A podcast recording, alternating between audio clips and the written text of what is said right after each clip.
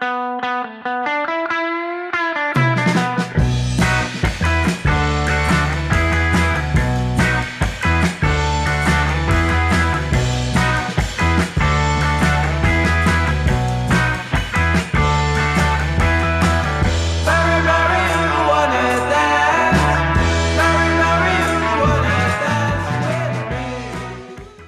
Welkom bij High Tea met Dirk en Rens, een podcast over cannabis en alles wat met de plant te maken heeft.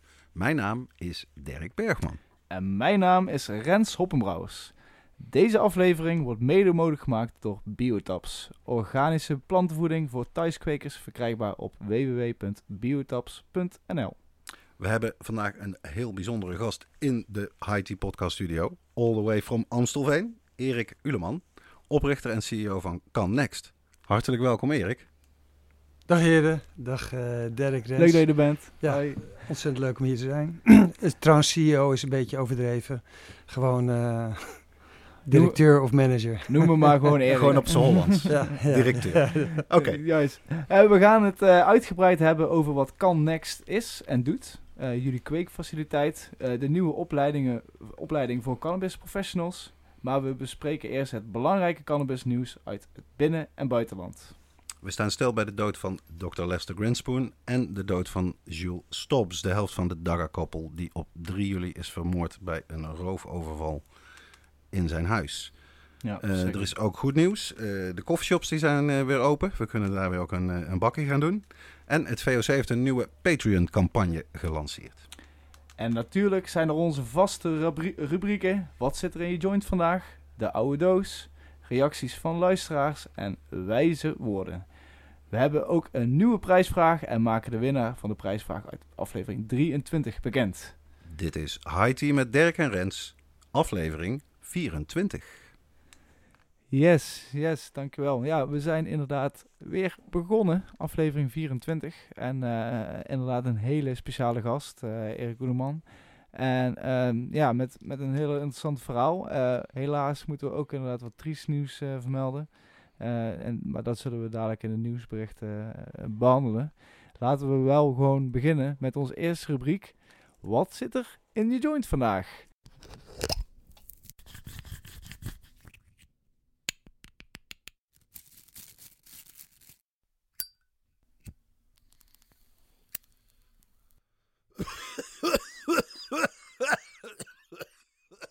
Wat zit er in jouw joint vandaag? En eh, aangezien Erik eh, ja, ik niet, eh, op dit moment niet aan het blowen is, eh, eh, stel ik gewoon meteen maar de vraag aan eh, mijn co-host Dirk. Dirk, wat ben jij aan het roken vandaag? Dankjewel dat je het eh, vraagt, Rens. Ik ben aan het roken de Karels Hees. En eh, wel aardig om te vermelden, die komt uit de personal stash van Kees. Die eh, als vriend van de show eh, ons iets heeft eh, toegestopt. Ik geloof dat jij toch ook iets Ja, Kees... we, zijn, we zijn best wel geluksvogels, moeten we, mogen we zeggen. Ik, ik kreeg laatst een ber- berichtje van Kees, inderdaad. En die had wat lekkers uit zijn personal stash, wat hij heel graag aan ons wilde delen. Dat wij die konden proeven tijdens de podcast. Dus eh, we zullen onze ongezouten mening er ook over geven, Kees. Eh, g- g- dus eh, geen zorgen. Maar eh, ik moet zeggen, ze zien er al prachtig uit. Ja. Eh, ik, ik heb eh, op dit moment de God's Gift eh, in mijn joint zitten. Ik heb hem ook al aangestoken. Ik kon niet wachten. En het is een hele eh, bijzondere wiet deze. Het is, eh, ik had hem nog nooit eerder eh, geproefd. Dus ik, ik, heb hem, ik heb hem daarvoor ook al met Kees eh, een jointje van gerookt. En hij is heel moeilijk om in een hokje te plaatsen. Maar Mhm. als ik hem moet beschrijven, ik heb er even over nagedacht van hoe moet ik hem nou beschrijven. Maar het is een hele aardsige leer, leerachtig, als je echt een, in een, ja, hoe moet je het zeggen, een, nieuwe jas, weet je wel, die leerachtige geur en smaak. Eh, het is niet voor de zoete kou, moet ik eerlijk zeggen. Maar eh, ja, het is, het is, het is een... en eh, leun, leun meer naar de indica ja, het is echt een volle indica Ja. en dat merk je ook in de, in de kracht. Ik, het is, je ogen gaan er echt van, van dicht slaan.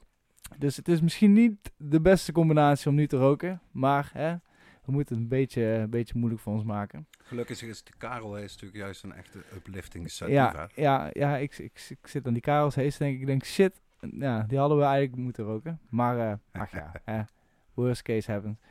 Ehm, laten, we, laten we doorgaan eh, naar het nieuws.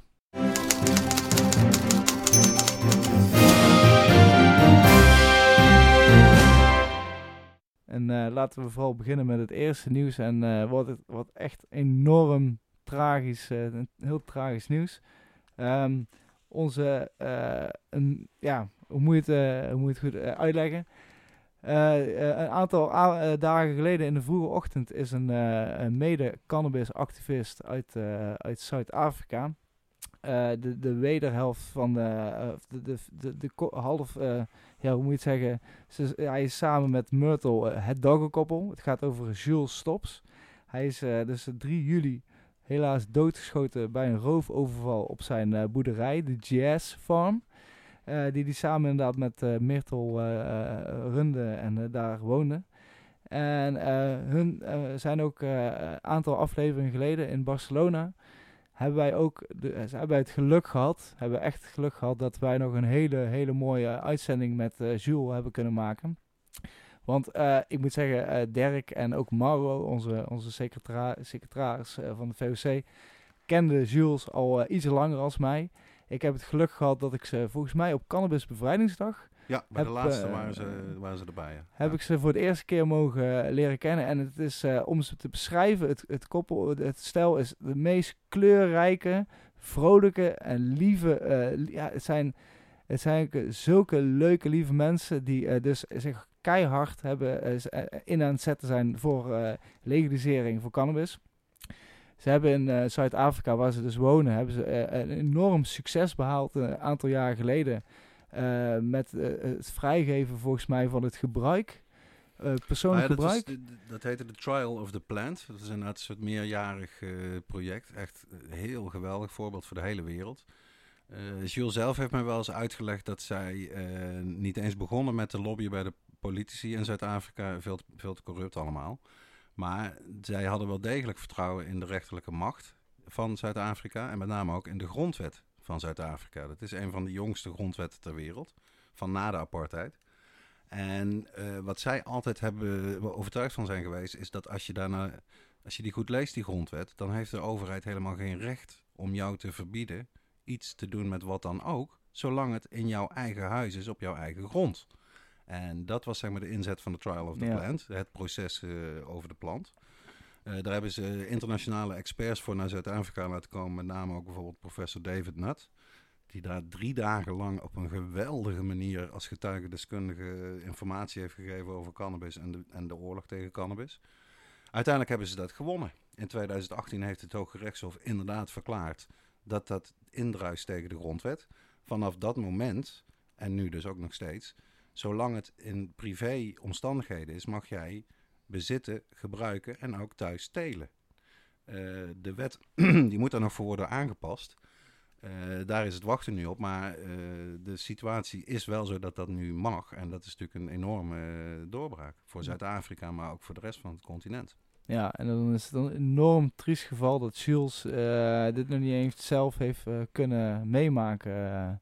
Nou, jij heeft het nooit eh, ja, tot, tot het einde kunnen, kunnen meemaken. Buitengewoon dramatisch, buitengewoon triest. eh. hij is notabene, eh hij is bij de Royal Navy lang geweest. Hij was eigenlijk bij de marine. ja, Hij heeft- veteraan. Ja. Ja, hij heeft ook een, een medaille voor, voor moed gekregen van de, van de Engelsen. Maar als je kijkt, die man inderdaad zo positief, zo energiek, eh, open voor samenwerking, eh, een klein ego, wat ook niet altijd eh, vanzelfsprekend is in de cannabisbeweging. Je zag dat bijvoorbeeld toen een andere groep, waar onder andere Gareth Prince in Zuid-Afrika bij betrokken was, ook een succes boekte. Toen zijn ze niet met elkaar gaan kibbelen over dingen. Toen zijn ze samen gaan werken voor die Trial of the Plant. Waardoor ze allemaal succes hadden. Dat zijn dingen die inderdaad, dat is zijn legacy, nou helaas. En eh, ja, heel gruwelijk. Voor twee laptops en eh, twee mobiele telefoons geloof Ja, ik. ja. Eh, ja, 59 geworden. Ja, nou, ik, ehm, volgens mij is het aflevering 15 van Barcelona Special. Echt, ik raad hem aan aan iedereen om nog eens te luisteren. En ik moet zeggen, ik heb hem zelf ook, toen ik het hoorde, heb ik hem weer aangezet. En ja, ja, het is erg triest. Ik, ik hoop dat Myrtle er er goed uitkomt, om het zo maar te zeggen. Dat ze nog een beetje positiviteit en hoop ziet. En eh, ja, dat de cannabis community ook hun kunnen helpen. En eh, ja, dat wij de naam van Jules eh, het proberen voor, te zetten, om het zo maar te zeggen. Dus ja, enorm triest. Enorm triest. Dus gecondoleerd allemaal. Maar ja, we gaan door naar het volgende nieuwtje. Ondanks eh, dat het, en het is helaas weer een eh, eh, best wel triest nieuws. Ik moet zeggen, deze ken ik niet persoonlijk, maar eh, als, als cannabisliefhebber hebben we er denk ik allemaal wel eens een keer van gehoord. We hebben allemaal wel eens een keer dat, dat stukje of dat, die soort sativa gekocht, waar echt dan één takje, zo lang takje was met allemaal kleine bolletjes eraan. En dat was de Dr. Grins, Grinspoon. De echte hees, Ja. zeker weten. Daar, Ja. daar ken ik de naam van. Ik heb nooit de, meneer persoonlijk gekend, gezien of... eh, Ja, dat, ik heb hem zelf ook nooit mogen ontmoeten, maar je kan echt van spreken. Dat, is een reus in de moderne cannabisgeschiedenis. Eh, Harvard eh, professor, associate professor moet ik zeggen. Dus universiteitsdocent aan Harvard. psychiatrie. Hij is in 1967 alweer, lang geleden, begonnen met research voor een boek. Want hij wilde eigenlijk het definitieve boek schrijven over hoe ontzettend gevaarlijk cannabis is voor jonge mensen. En daarmee, eh, hij dacht namelijk, ja, allerlei jonge mensen om mij heen, zelfs op Harvard, slimme jonge mensen, die gebruiken die eh, vreselijke druk. Die snappen gewoon helemaal niet hoe erg het is. Dus ik zal nou eens voor eens en voor altijd bewijzen hoe, hoe slecht het is. Nou ja, je voelt hem al aankomen. Hij heeft daar zelf over gezegd. Hoe meer hij ging lezen aan wetenschappelijke studies, aan eh lekenverslagen, ging met mensen praten. Hij gebruikt daar zelf gewoon de term brainwashen voor. Hij was gebrainwashed, zoals het ook de rest van de met de Amerikaanse Reef van bevolking. Madness. Ja, daar klopt allemaal Ja. helemaal niks van. Al zijn ideeën die hij tot dat moment had over wat die plant waard was of kwaad deed of goed deed, daar bleek helemaal niets van te kloppen. Dus toen heeft hij in 1971 het resultaat van het onderzoek gepubliceerd. Marijuana Reconsidered.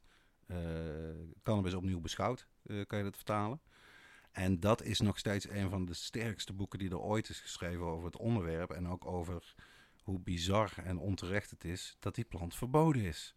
Eh, en het feit dat dat kwam van een Harvard eh, docent, gaf dat een enorm gewicht. Eh, eigenlijk vanaf het moment dat dat boek is uitgekomen, is het altijd een druk geweest. Het is echt een, een bestseller geworden en nog steeds een klassieker. En hij is zeg maar ook op gaan treden als getuigendeskundige in heel veel rechtszaken, in de Congress in Amerika, debatten waar hij zijn kennis over droeg.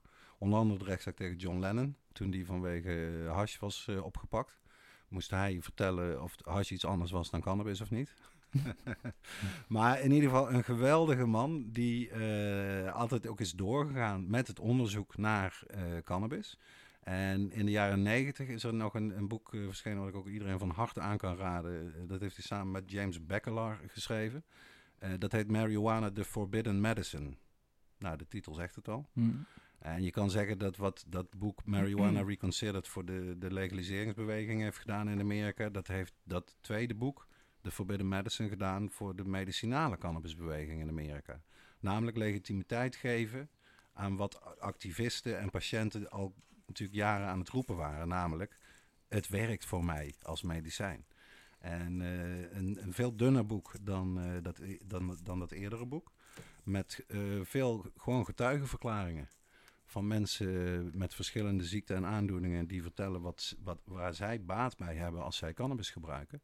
En op welke manier ze dat doen. Onder andere een verhaal van zijn eigen zoontje, die eh leukemie had, kinderkanker. En ook eh, zijn chemotherapie veel en veel beter verdroeg, omdat hij een klein beetje pure wiet van tevoren eh, rookte. Ja, dus ja, buitengewoon indrukwekkend boek, indrukwekkende man. Eh, ja, in tegenstelling tot Jules, zeer vredig aan zijn einde gekomen. Eigenlijk een einde wat je iedereen eh, kan toewensen in de armen van zijn vrouw.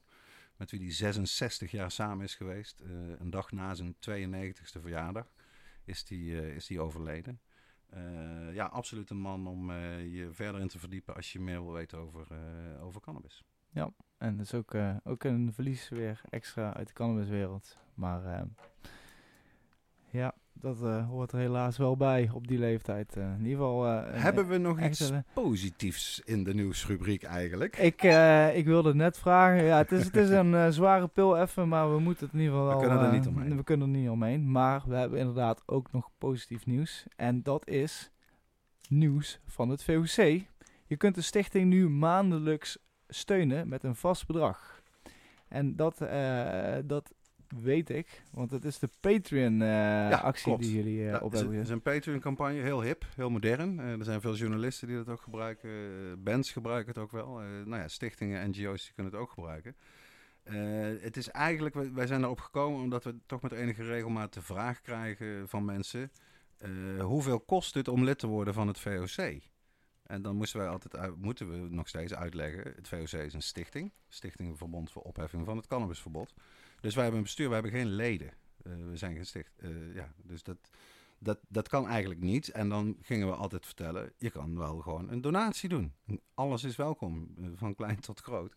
Maar een modernere manier zou je kunnen zeggen om dat te doen, en dan ook een meer bestendige manier, is zo'n Patreon. Dan word je Patreon van het goede doel. Eh, je kan kiezen, eh, voor 5 euro per maand word je een zaadje. Voor 10 euro per maand word je een zaailing, een klein plantje. En voor 50 euro per maand word je een moederplant. En daar horen dan eh, ook een aantal leuke voordelen en goodies bij. Als jij een zaadje bent, dan krijg je na zes maanden een VOC stickerpakket. En na twaalf maanden een aantal mooie zaden toegestuurd. En als jij een zaailing bent, dan gaat het wat eerder. Dan krijg je al na zes maanden die zaden toegestuurd. En dan ontvang je alle VOC-publicaties per post. En de moederplant, dat is natuurlijk de grote, de grote knaller. Dan de, krijg je inderdaad die, die, die stickers, die zaden krijg je allemaal na een half jaar. Je ontvangt alle publicaties per post van het VOC. En je hebt ook gratis toegang tot alle evenementen, debatten en andere eh, dingen die het VOC organiseert. Dus ik zou zeggen, ga naar de website en overweeg of dat iets eh, voor jou is. En of jij jezelf een, eh, een zaadje, een zaailing of een moederplant voelt van binnen. Precies, ja. Ik denk dat het ook, het gaat niet om wat je ervoor krijgt, het gaat vooral wat je ervoor doet. Dus eh, als je in ieder geval de VOC steunt, weet ik zeker dat het geld in ieder geval goed wordt gebruikt. eh, om in ieder geval eh, een woord te geven tegen de politiek, of na de politiek. Die, eh, en de consument. En Druk de op de ketel. Ja, Ja. we proberen iedereen te vertegenwoordigen, maar vooral de plant. Zodat de plant eh, vrijkomt eh, van al die gekke bullshit. Dus eh, nee, ja, ik steun het ook. En ik probeer iedereen te overtuigen om het vooral ook te gaan steunen. Ja, een klein primeurtje kan ik al melden. We zijn pas tien dagen bezig met de campagne. En inmiddels hebben we al zes Patreon-leden die gecommit hebben. Dus ik vind dat zelf echt fantastisch. Kijk, Ja. in ieder geval alvast bedankt daarvoor. Dan hebben we nog een laatste nieuwtje, helemaal uit de United States of America. En het gaat over eh, onze favoriete eh, presidentskandidaat, Joe Biden, die zich duidelijk, of die zich niet duidelijk uitspreekt voor legalisering van cannabis. En het is, eh, het is uit een stuk eh, in de The Atlant- Atlantic. The marijuana super, superweapon Biden refused to use. Ja, ik vond het een heel interessante analyse. Deze week verschenen in die, eh dat is oorspronkelijk een maanblad volgens mij, die Atlantic. De marijuana superweapon. Eh, en in de intro zeggen ze dan... eh The Democratic polit- political consultants dream of issues like marijuana legalization. Ze dromen van, van een issue zoals dit. Democrats are overwhelmingly in favor of it, polls show it. So are independents. And a majority of Republicans favor it now too. Met andere woorden, iedereen is voor. Democraten, mensen die niet aan een partij vastzitten, kan- en republikeinen. Je kan geen bel Je aanvallen. kan eigenlijk iets voorstellen waar iedereen achter zou kunnen staan. Gewoon, eh. Ja, it, Ja. it motivates progressives, young people and black Americans to vote. Nou, wat wil je nog meer? En dan komt dus de intrigerende vraag, waarom doet hij dat dan niet? En eh, het is een lang verhaal, dus ik, ik raad iedereen aan om het gewoon even zelf te lezen. Maar het komt er in feite op neer dat Biden nog wacht op nog meer wetenschappelijk onderzoek. Waaruit eigenlijk dan zou moeten blijken wat je ook doet met cannabis, op welke leeftijd dan ook, er is geen enkel risico ooit aan verbonden. Nou ja, dan kan je dus wachten tot Pasen en Pinkster op één dag vallen. Want natuurlijk, hè, in sommige gevallen zijn er wel risico's aan cannabisgebruik. ja. Dus de vraag is nou een beetje of de adviseurs van Biden erin slagen in de komende maanden. Want de race wordt natuurlijk steeds verhitter hè, in de aanloop naar de verkiezingen in november. Mhm. Om Biden zover te krijgen dat hij zich wel duidelijk uitspreekt. En dat hij niet praat over decriminalisering en op een andere schedule, wat hij nou eigenlijk doet. Maar gewoon gaat voor legalisering. En het stuk eindigt met, vond ik een prachtige quote van eh, Fetterman. Even kijken wie dat is. Ik denk dat hij werkt voor, eh, voor Normal. Hij zegt in ieder geval aan het eind van het stuk: If Joe Biden's account tweeted out legal.weed, it would get a million likes in the first two hours. I guarantee it. And no one is going to accuse Uncle Joe of being a pothead. If you think weed is the devil's lettuce, you ain't voting for Biden anyway. En daar heeft hij natuurlijk gelijk in. Ik denk ook, als Joe Biden zou tweeten, ik ben voor legale wiet, stem op mij. Dan krijg je inderdaad, zoals hij zegt, een miljoen likes binnen twee uur. En hij gaat er niet aan verliezen. Hij kan er niet aan verliezen. Maar ja, het is zo jammer dat ze allemaal zo conservatief zijn. Hè? Dat ze nooit een vingers eraan willen branden. Dat eh, niemand wil de president zijn waarschijnlijk wie cannabis volledig legaliseert.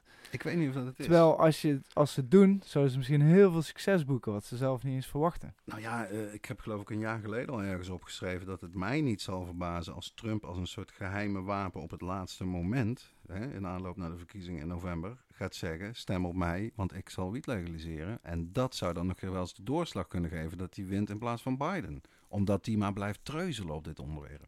Ja, het, is een enorme banenmotor. Het, is een, eh, een- eh, het zou goed zijn voor discriminatie tegen te gaan. Iedereen wint, is, behalve de maffia. het is echt verschrikkelijk.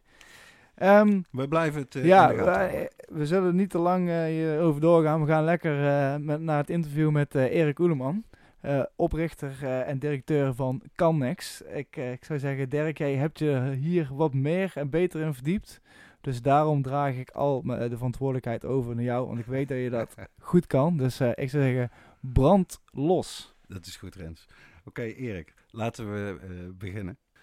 Erik, jij bent niet iemand die, zeg maar, zoals veel mensen die bij ons wel eens te gast zijn geweest in de uitzending, al heel lang in die cannabiswereld actief is. Hè? Hoe lang eh, ben jij bezig met cannabis? Ehm, nou, ik, kijk, ik ben in Amsterdam opgegroeid, dus daar eh, krijg je al snel te maken natuurlijk met eh, de jointjes op de middelbare school en allerlei dingen die daarmee te maken hebben. Ehm, ja, daarna ben ik naar de Verenigde Staten verhuisd en ja, daar moet je toch een beetje oppassen als buitenlander met cannabis. En sinds mijn terugkomst in Nederland in 2000 eh, ben ik zich eh, de afgelopen 2,5 jaar weer... eh, ja, actief eh, in de teelt van eh medicinale cannabis. Want wat is jouw achtergrond? Wat, wat deed jij in Amerika? Wat, eh, wat heb je voor opleiding gedaan, zeg maar? Hoe, Eh, mijn, hoe plaatsen ople- we dat? ja, mijn opleiding in Nederland, eh, ik ben in Amsterdam opgegroeid, eh, daarna in Groningen gestudeerd. Een hele leuke stad, was ik nooit geweest. Eh, heel veel plezier. Daarna ben ik ehm, voor een bank eh, diamant en commodity financing gaan doen in New York. Het was een mooie kans als eh, broekie om daar eh, ervaring op te doen op je 24ste. En ehm, impulsief als ik ben, ben ik daar eh, met een eh, mooie Amerikaanse getrouwd. En heb daar een gezin gesticht. eh, vier kinderen. En we zijn in eh 2000 eh, vanwege familieomstandigheden eh, teruggekomen naar Nederland. Oh, Oké. Ja. En had jij, zeg maar, toen je nog in Amerika woonde, eh, zag je toen dat daar al veel gebeurde met cannabis? Of was dat helemaal buiten jouw blikveld? Nou ja, ik, eh, dat, dat zag je natuurlijk wel. Hè. In, in twee opzichten zie je dat. Eh, anderzijds, hè, je bent jong en mijn, mijn ex was, had ook op een college gezeten. En we hadden natuurlijk allerlei feestjes. Dus dan was men daar wel eh, druk bezig met... eh, kom eens naar zolder en daar heb ik eh, mijn lampje staan met één plantje. Ehm, ja, aan de andere kant, hè, wat je toen vaak op het nieuws zag, was Cops. Dat was een populaire serie. En ehm, die is nu inmiddels ook van de buis gehaald, begrijp ik. Maar daar zag je inderdaad ook de, ja, de extreme, dat met een soort militair commando-team dat daar op eh 3 gram werd gejaagd. Ja, echt full-on war on drugs. Dat is eh, echt, eh, als Nederlander is dat heel vreemd om te zien. En three strikes you're out, Ja. dat is ook een verschrikkelijke regel natuurlijk. Wat is dat precies voor de mensen die die uitdrukking niet kennen? Ja, ehm, Nou, op een gegeven moment in de negentiger jaren was het volgens mij, eh, vond men in de Verenigde Staten dat er een, eh, ja, een soort limiet moest zijn aan de um, draaideurcriminelen. en eh, als je dus drie keer ehm, een overtreding maakte, ook uh, misdemeanors, dan, uh, ja, dat is even mijn interpretatie, maar dan zat je levenslang in de gevangenis. Ja. Dus, You're out was inderdaad letterlijk. Ja. Je wordt eigenlijk uit de maatschappij genomen en je zit levenslang vast. Ook al was het drie keer een gram, bij wijze van spreken. Ja, ja dat is echt enorm. Want dan zit je dus, als je 17, 18 jaar bent en je gaat drie keer in een overtreding, Ja. zit je daarna 20 jaar in de gevangenis waar je natuurlijk niet beter van wordt. De, en nog steeds zit Amerika enorm met de gevolgen van dat beleid natuurlijk. Hè? Want er zitten nog steeds zoveel mensen vast eh, in staten waar het legaal is zelfs. Ja. Dus dat is, eh, ja, dat is eigenlijk een drama natuurlijk. Maar goed, jij eh, ging terug naar Nederland. Ja. jij, kwam hier weer. Eh, Ja. hoe, hoe kwam cannabis hier op jouw radar eh, destijds?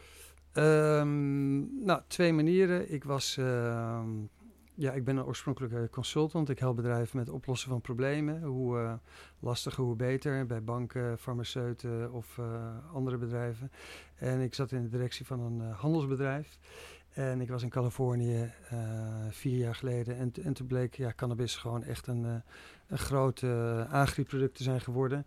eh, waar natuurlijk een eh, ontzettende industrie op gang komt. En ehm, ja, ik dacht dat is wel interessant om eh, in die handel betrokken te zijn. Maar dat heeft natuurlijk heel veel beperkingen internationaal. Ehm, dat is ontzettend lastig. Dus dat heb ik een beetje laten varen. En op een gegeven moment ehm, ja, werd mijn grootmoeder ziek. En dan word je in een terminale fase geconfronteerd met eh, ja, medicijnen die mensen eh, toegediend krijgen. En ehm, ja, ik vind dat eh, mensen in een terminale fase of in een bepaalde ziektesituatie moet je gewoon de mogelijkheid hebben ehm, cannabis of medicinale cannabis als een geneesmiddel te krijgen. Mhm. En dat is niet het geval en vaak wordt dat een pil. En eh, ik vind dat daar verandering in moet komen. En dat is heel lastig, maar dat is, was voor mij de reden dat ik zo stond eh, in zo'n situatie. Dat ik denk, ja, dat, eh, dat, dat moet niet zo zijn Mhm. dat iemand alleen maar pillen kan krijgen, terwijl er een goed alternatief is. Ja, want in Nederland is natuurlijk medicinale cannabis wel legaal, hè? sinds 2001. Ja. Wat dacht jij toen je er voor het eerst achter kwam dat er eigenlijk maar één bedrijf is, een monopolist, namelijk Bedrocan, die de enige is die dat doet in Nederland? Ja, dat is natuurlijk eh, vreemd. Dat is heel eigenaardig. Dat is eh, in alle, ja, met alle economische inzichten is een monopolist natuurlijk nooit goed voor de markt. Eh, dat, je moet ja, kunnen concurreren, dat houdt je scherp. En da- daarmee kan je ook natuurlijk heel goed voor je, voor je klanten zorgen. Dat je de juiste producten gaat maken. Eh, dat is een besluit geweest van de Nederlandse overheid. En ik denk dat dat eh, niet verstandig was. Ik weet niet wat de motieven daar waren. Ja, Maar- kijk, zelf zegt het BMC daar altijd over dat zij in principe eh, niet een monopolie willen, dat het ook niet hun beleid is, maar dat er nou eenmaal geen andere aanbieders zijn.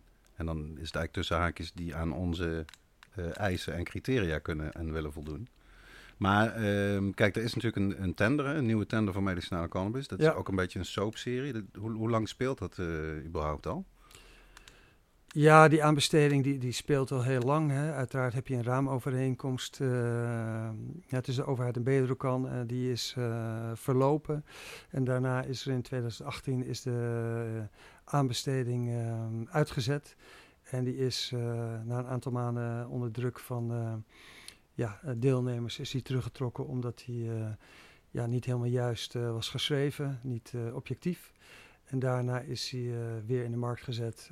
en die loopt nu met verschillende vertragingen. Ehm, ja, die is sterk vertraagd. Ja. En dat is voor CanNext enorm belangrijk gegeven, heb ik het idee, toch? Die, jullie willen, zouden heel graag die, die aanbesteding... want er zijn twee nieuwe vergunningen beschikbaar, toch? Ja, er zijn twee eh, vergunningen beschikbaar eh, voor het telen van een aantal eh, soorten. En met name in de nieuwe aanbesteding, ehm, eh, de revisie, ligt meer de nadruk op het ontwikkelen van nieuwe strains.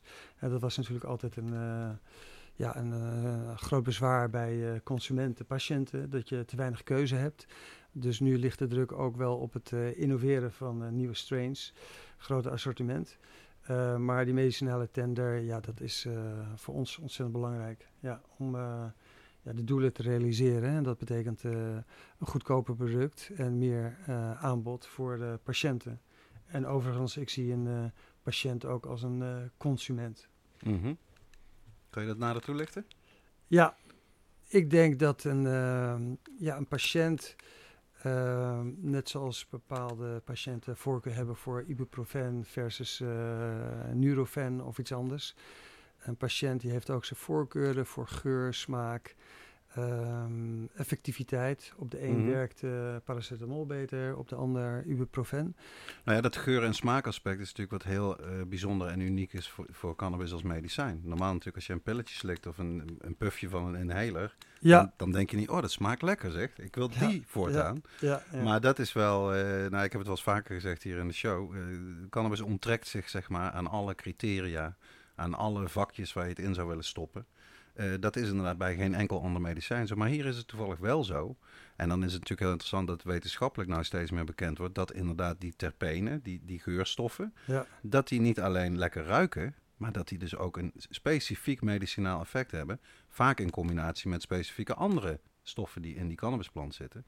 En dat is, eh, ik denk dat jij daar misschien ook wel eh, inmiddels wat ervaring mee hebt, dat zeg maar de, de, de conventionele geneeskunde, medici, hebben, vinden het erg moeilijk om eh, zich iets te kunnen voorstellen bij cannabis als medicijn. Omdat ze zo gewend zijn dat, dat die medicatie normaal een andere vorm heeft. Is dat iets wat jij herkent? Kom je dat tegen? Of is dat aan het veranderen misschien? Absoluut. Eh, ik, ik ben zeker geen expert, maar eh, zoals jij nu een jointje rookt, gewoon die geur alleen al, daardoor relax je. Als je dat vroeger hebt gedaan, dat geeft gewoon een soort rust over je heen. En eh, natuurlijk eh, met wierook, eh, dat heeft ook een effect. Ja. Dus het is, ehm, ik zie dat zeker wel bij cannabis als een belangrijk element. En mensen die ik spreek in- Canada, Verenigde Staten, die zeggen ook, ja, de terpenen, die zijn enorm belangrijk. Ja. Niet voor niks heb je in winkels natuurlijk ook, of in een vliegtuig, een bepaalde geur. Hmm. Eh, Aromatherapie. Aromatherapie, ja. absoluut gigantisch belangrijk. Een Ja. belangrijk onderdeel, denk ik, van de effectiviteit van een eh, geneesmiddel. Ja. Ja. Even terug naar Cannext. Eh, Ja. Kijk, er zijn misschien veel meer mensen die dromen dat zij zo'n aanbesteding winnen. Maar er zijn niet zo heel veel mensen, eh, volgens mij, of bedrijven in Nederland, die ook daadwerkelijk een kweekfaciliteit hebben en al wel een vergunning hebben voor wetenschappelijk onderzoek. Eh, kan je daar eens iets over vertellen? Ehm, ja, nou, eh, waar we het verlieten is eh, de, de, de, de aanbesteding. Dus toen eh, een aanbesteding kwam en toen hadden we besloten van, nou, wij, wij willen gewoon meer variëteit ontwikkelen. Ehm, in aanloop naar de aanbesteding. Toen zijn we eigenlijk meteen begonnen met het aanvragen van een vergunning. En we zijn gaan bouwen. Ehm, ja, wat dat betreft ben ik redelijk impulsief. En eh, ja, gelukkig ehm, zijn er veel mensen die daarbij willen helpen. Hè. Men- mensen met kennis van cannabis, mensen met kennis van de bouw, van de industrie. Je hebt best wel een groot team nodig. Ik denk 40, 50 man die allemaal een klein beetje weten. Mhm. En toen zijn we gaan, eh, gaan bouwen, wat overigens best wel eh, lastig was. We hebben overleg gepleegd met de burgemeester en met politie. Ja, dat is natuurlijk ook eh, even een, eh, een nieuw ding voor zo'n eh, gemeente. Ja. En eh, Maar is, het het is jullie wel gelukt in de, in de gemeente waar je oorspronkelijk op mikte? Want dat hoor je nu natuurlijk ook met de wietproef, hè, telers daar. die klagen van ja, we zijn al bij zes gemeentes geweest. Allemaal not in my backyard. Maar dat was, was in jullie geval anders. Jullie kunnen wel overtuigen van dit, dit is niet wat jullie misschien denken dat het is. Nou, dat was zeker niet een, een slam dunk. Niet, dat is zeker niet eh, makkelijk, want eh, ja, en dat begrijp ik ook wel, omdat voor gemeenten, die hebben zoveel overheidstaken gekregen de afgelopen tijd. jeugdzorg, kinderzorg, bejaardenzorg. En het is een onbekend terrein, dus de neiging is al snel om te zeggen nee. Ehm, kijk, wij hadden het geluk dat we ja, toch wel van een eh, zeg maar eh, projecten komen met, met banken en dergelijke. Ehm, dus dan eh, voelt een gemeente zich al snel wat comfortabeler. Ehm, we hadden ook goede ondersteuning met eh, advocaten. En we hadden ook heel veel voorbedacht al. Van joh, eh, we denken met jullie mee. We, we begrijpen de problematiek. We hebben veel presentaties gehouden. Überhaupt over het onderwerp recreationeel versus medicinaal. Hey, je moet ook een stukje evangelizing doen, zoals ze dat in de Verenigde Staten noemen.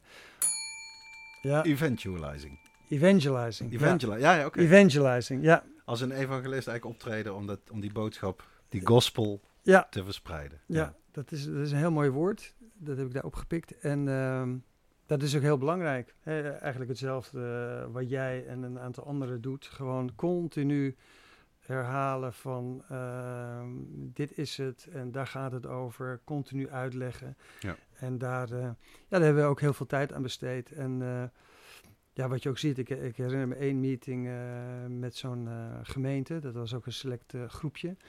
Een burgemeester erbij en adviseurs, veiligheid, et cetera. En we hadden zo'n presentatie gehouden. eh, inhoudelijk en ook procedureel, hoe we alles zouden aanpakken. En toen kwam er naar de hand een eh, mevrouw eh, naar ons toe bij de lift. En die zei, ehm, ja, dat, dat, dat- dat is echt wel zielig als je dat hoort. die zei van, eh, ja, mijn ehm, zwager, die is terminaal. Mhm. ik, ik word hier gewoon emotioneel Ja. van.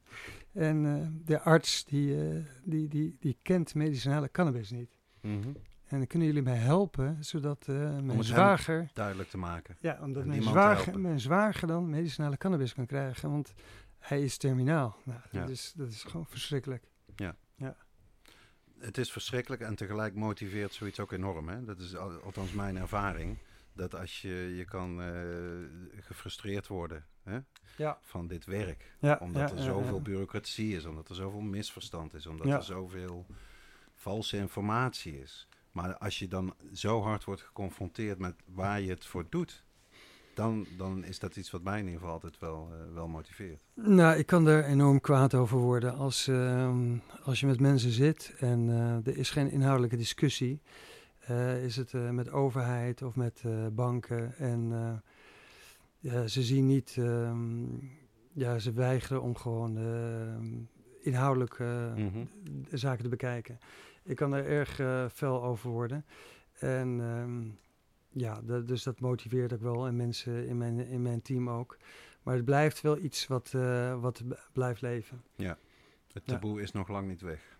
Het, eigenlijk. het eh, taboe is niet weg. En wat wel interessant is, we hebben een raad van advies. Hè, en we vragen ook continu mensen zich aan te bieden die veel kennis hebben. Ook uit de recreatieve sector, want er zit enorm veel kennis. En eh, nou, in de raad van advies zitten ook eh, oud-bestuursleden en dergelijke.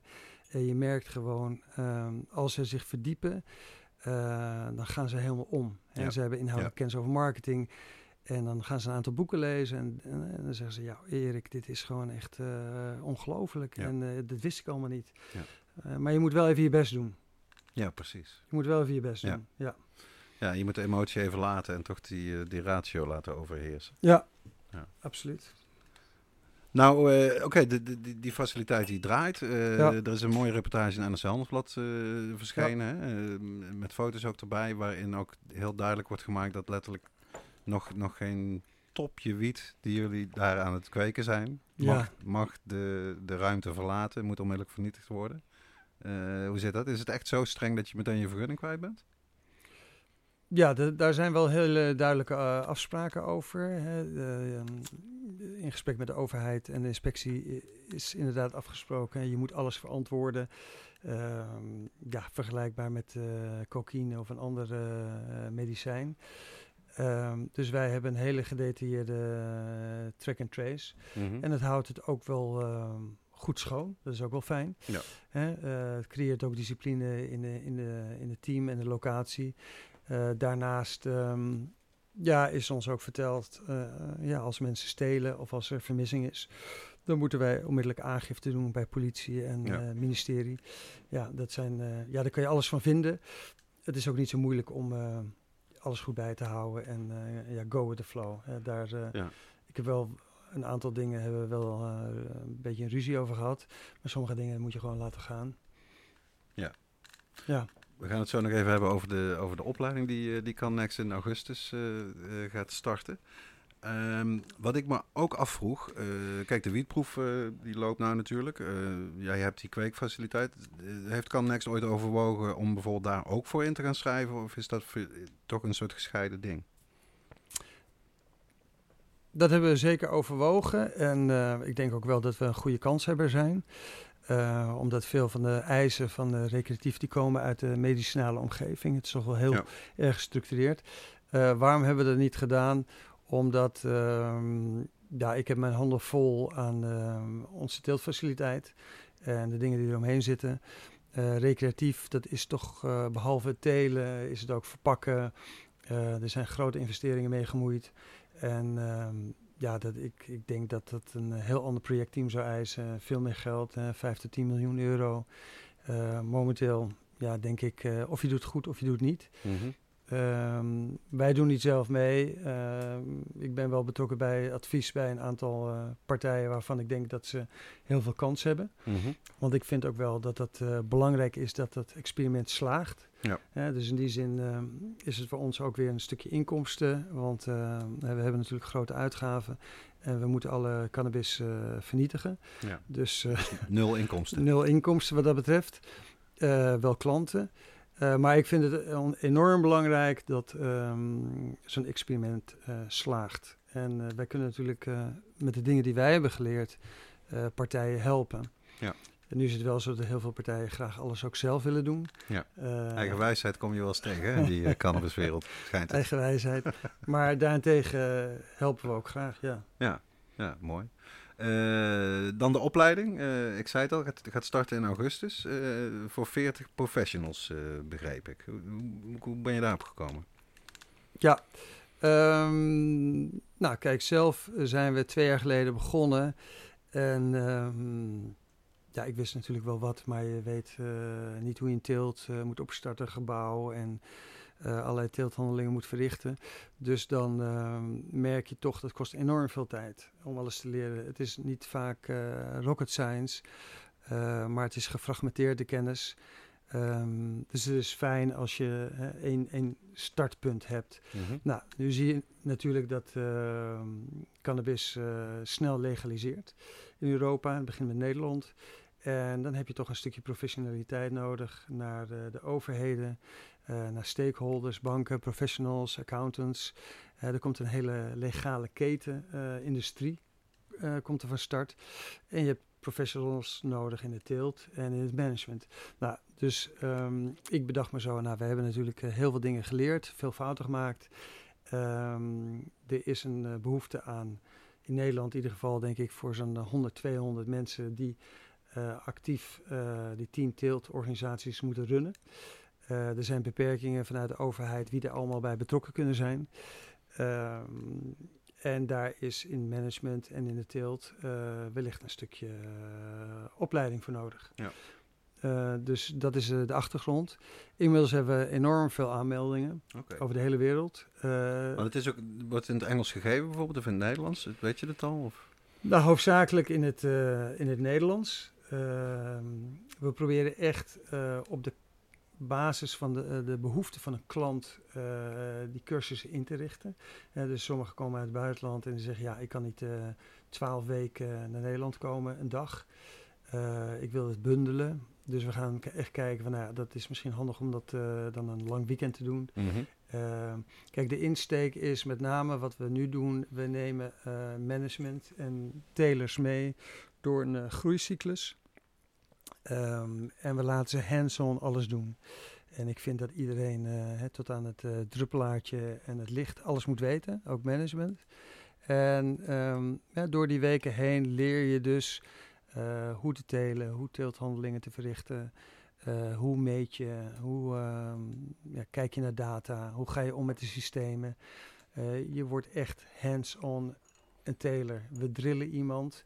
En um, eerlijkheidshalve uh, leer je ook vaak van mensen die er komen. Mm-hmm. Want niemand heeft uh, de wijsheid in pacht. Um, en altijd zijn er weer mensen met nieuwe ideeën, nieuwe inzichten. En, uh, gaat ook super snel, hè? Dat nou, gaat ook super snel. Nou, je die legale mogelijkheden hebt in Canada en de VS en ook Zuid-Amerika, ja. ja. dan zie je er komt geld. Dat maakt dat het allemaal gestructureerder aangepakt kan worden. heel goed voor de innovatie inderdaad. Absoluut. En, en ehm, ik denk dat overigens dat hands-on eh, aspect lijkt me uniek in Europa, bij wijze van spreken. Dat je echt met planten for real, dat je ze aan kan raken, dat je Ja. ermee bezig bent. Dat is heel bijzonder. En eh, ik kan uit eigen ervaring zeggen dat het ook ontzettend inspirerend is. Ik heb dat bij erg veel mensen gezien dat ze, voordat ze met cannabis zelf aan de gang gingen, hadden ze een heel andere soort manier van omgang met natuur en milieu. Het heeft in die zin, kan het een enorm eh, psychologisch effect bijna hebben. Als je bezig bent met die planten. Dus. Ik, ben- ik ben het helemaal met je eens. Eh, toevallig eh, had ik op de lagere school nog volkstuintjes, Mhm. waar ik vlei- vlijtig heen ging. En, ehm, maar je merkt wel inderdaad in cannabis, maar sowieso in de, in de tuinbouw, dat mensen zijn echt begaan Ja. met de plant. En ik moet ook zeggen, ik krijg wel vaak mensen uit bankwereld of uit andere dienstensectoren, die komen naar me toe, eh, jongeren. En er wordt natuurlijk veel gesaneerd. En dan zeggen ze, ja, wat, wat, wat kan ik nou gaan doen?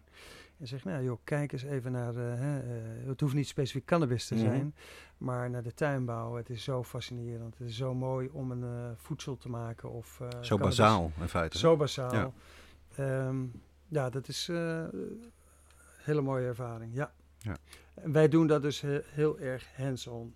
Mhm. Het blaadjes tellen, plukken, eh, proenen, wortels bekijken, bloemen bekijken, terpenen bekijken, trichomen bekijken. Ehm, elke plant is voor ons bijzonder. Ja, mooi uitgangspunt. Ja. Ik wil even terugkomen op eh, wat je eerder zei over... Ja, jullie hebben natuurlijk veel fouten eh, gemaakt. Dat hoort bij het proces.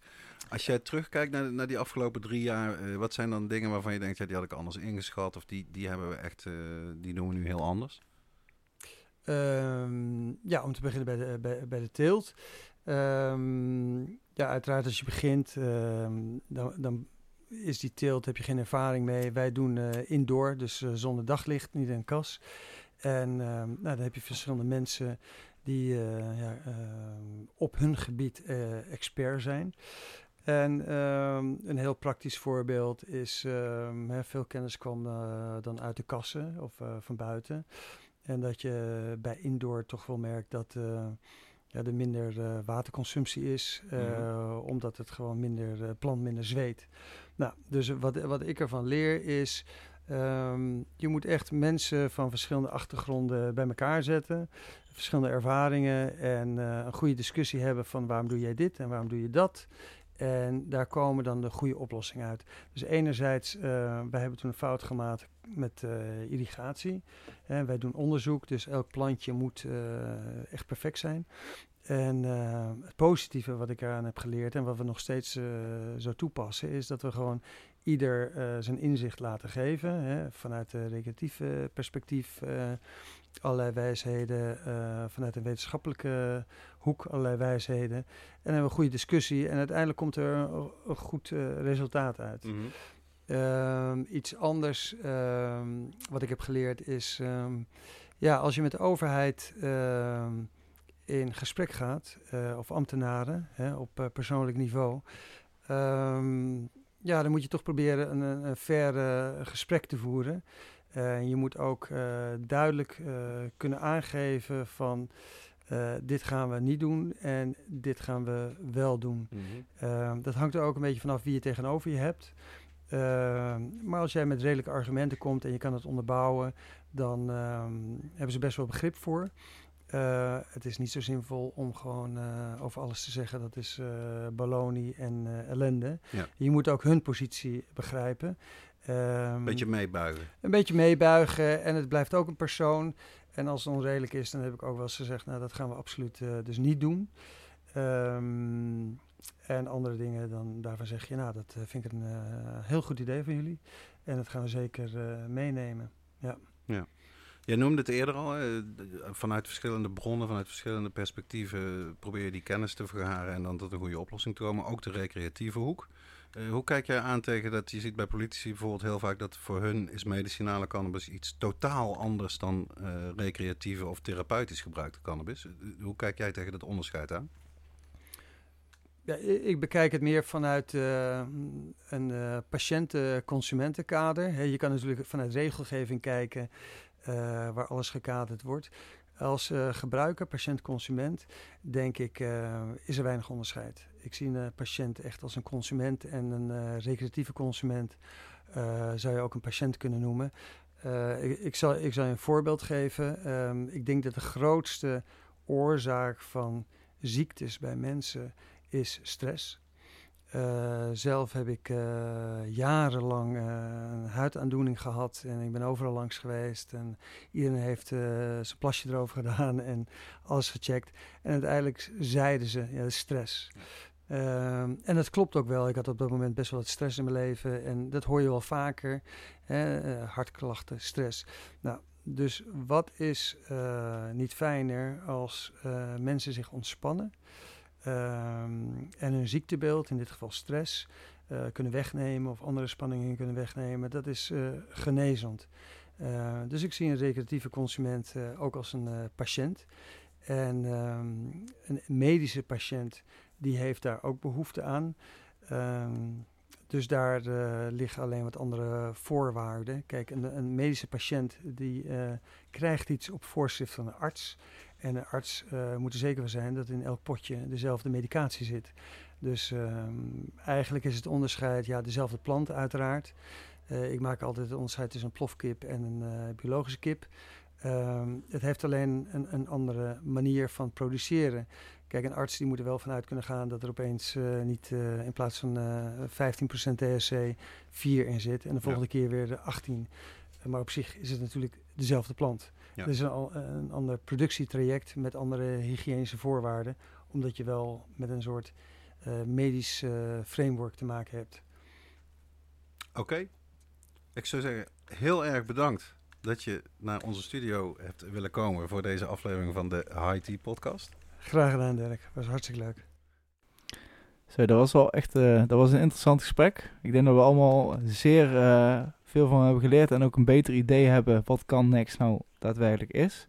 Ik denk dat het nu tijd is om te gaan naar onze vast, vaste en favoriete rubriek, de oude doos.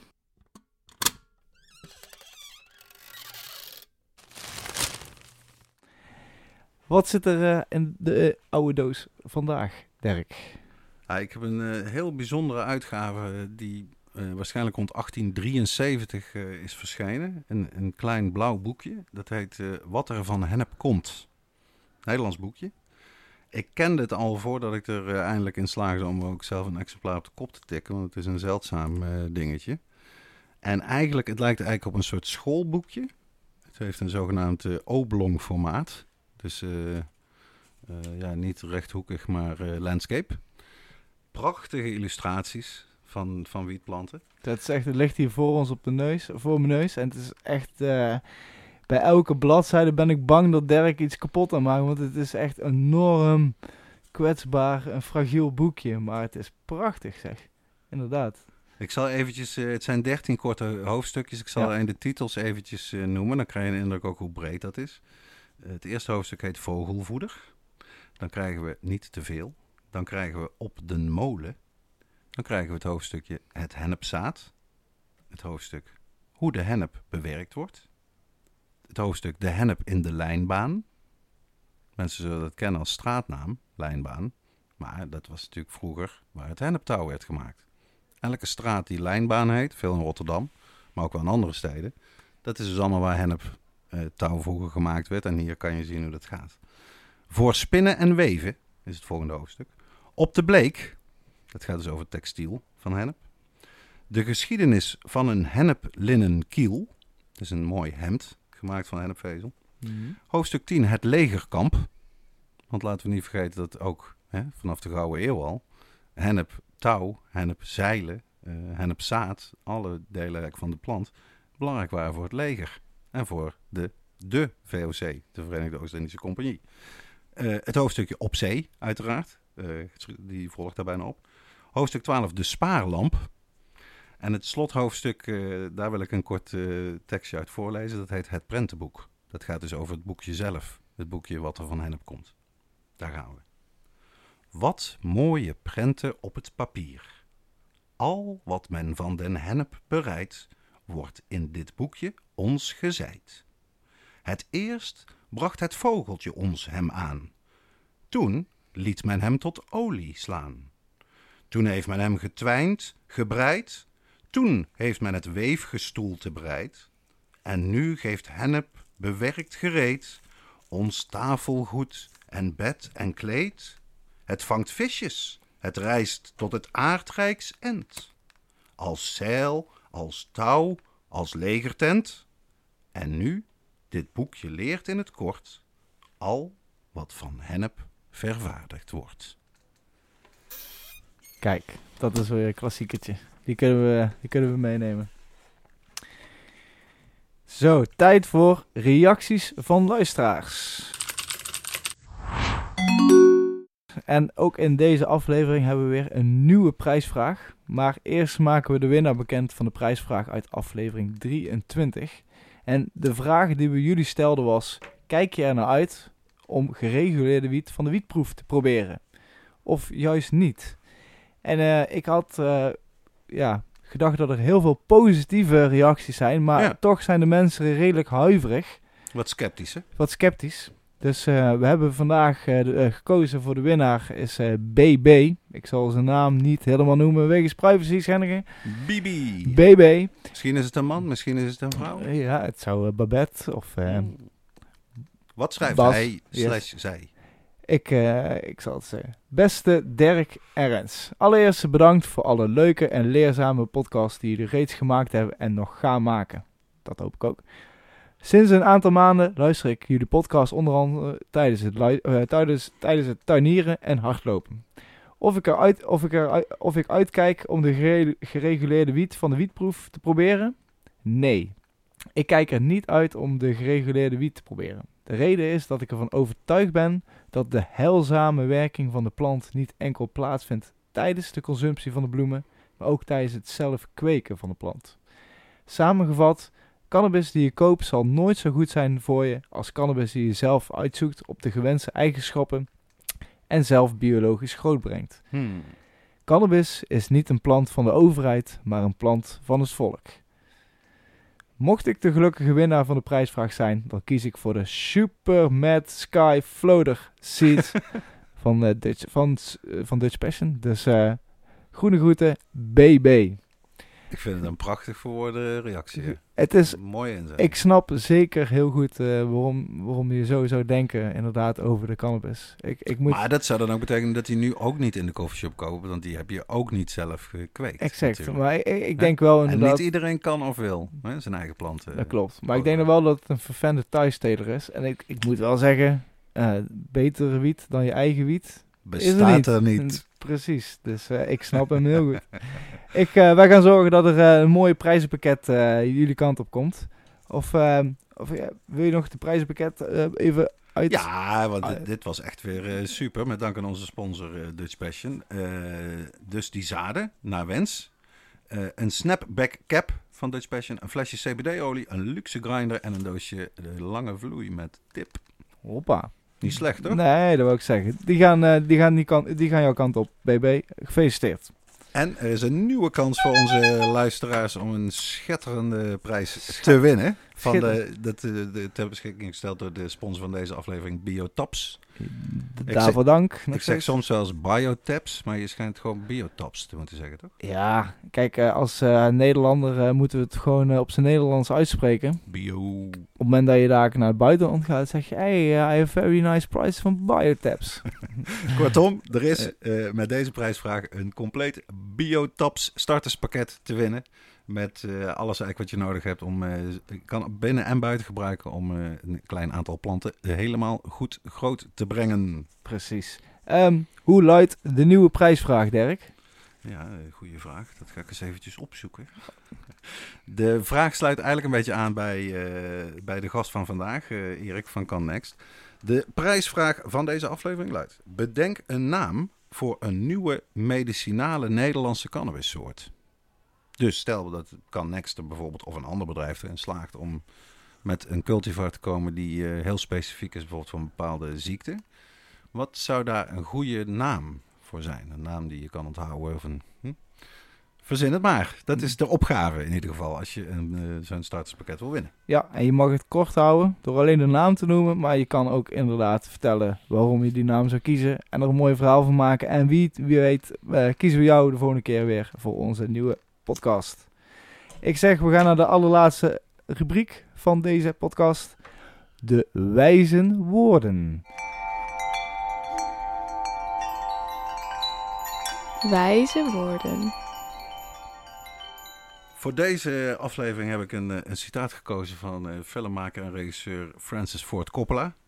Wel bekend van eh, de Godfather trilogie bijvoorbeeld, maar ook eh, Apocalypse Now en andere ultieme klassiekers uit Hollywood. Eh, tegenwoordig is hij trouwens eh, met pensioen qua films maken. Hij eh, regisseert niks meer. Hij is wijnboer, dat was hij al een tijdje. Hm. Maar sinds een paar jaar is hij in Californië ook cannabisboer en cannabiswijnboer. Dus hij is bezig en dat is echt wel innovatief, want zoveel mensen zijn er nog niet mee bezig.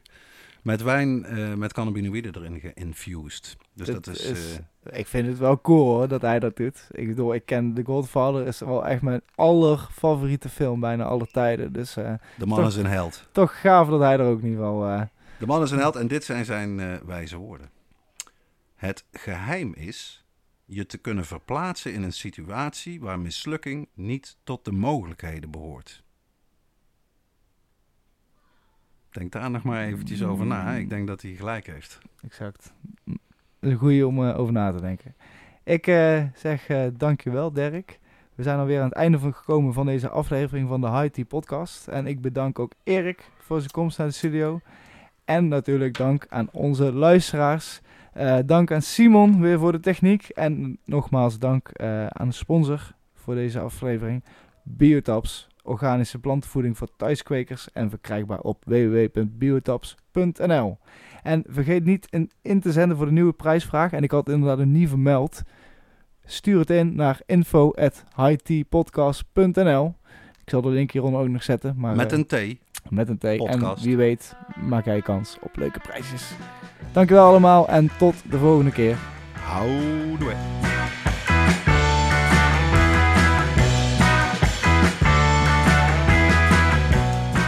Tea met Dirk en Rens wordt gemaakt door Dirk Bergman en Rens Hoppenbrouwers. Deze aflevering werd mede mogelijk gemaakt door Biotaps, organische plantenvoeding voor thuiskwekers, verkrijgbaar op www.biotaps.nl. Onze tune is Marijuana van de band Moon. Beluister muziek via iTunes en Spotify. Volg Tea ook op Instagram, at Podcast met een T. Of mail ons naar info